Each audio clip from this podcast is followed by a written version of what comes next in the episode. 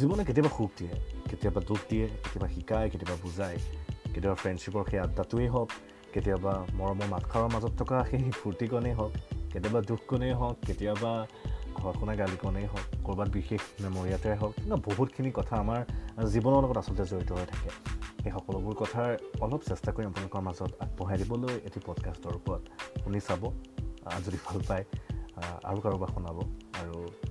মই জানো আপোনালোকে ভাল পাব শুনিব দেই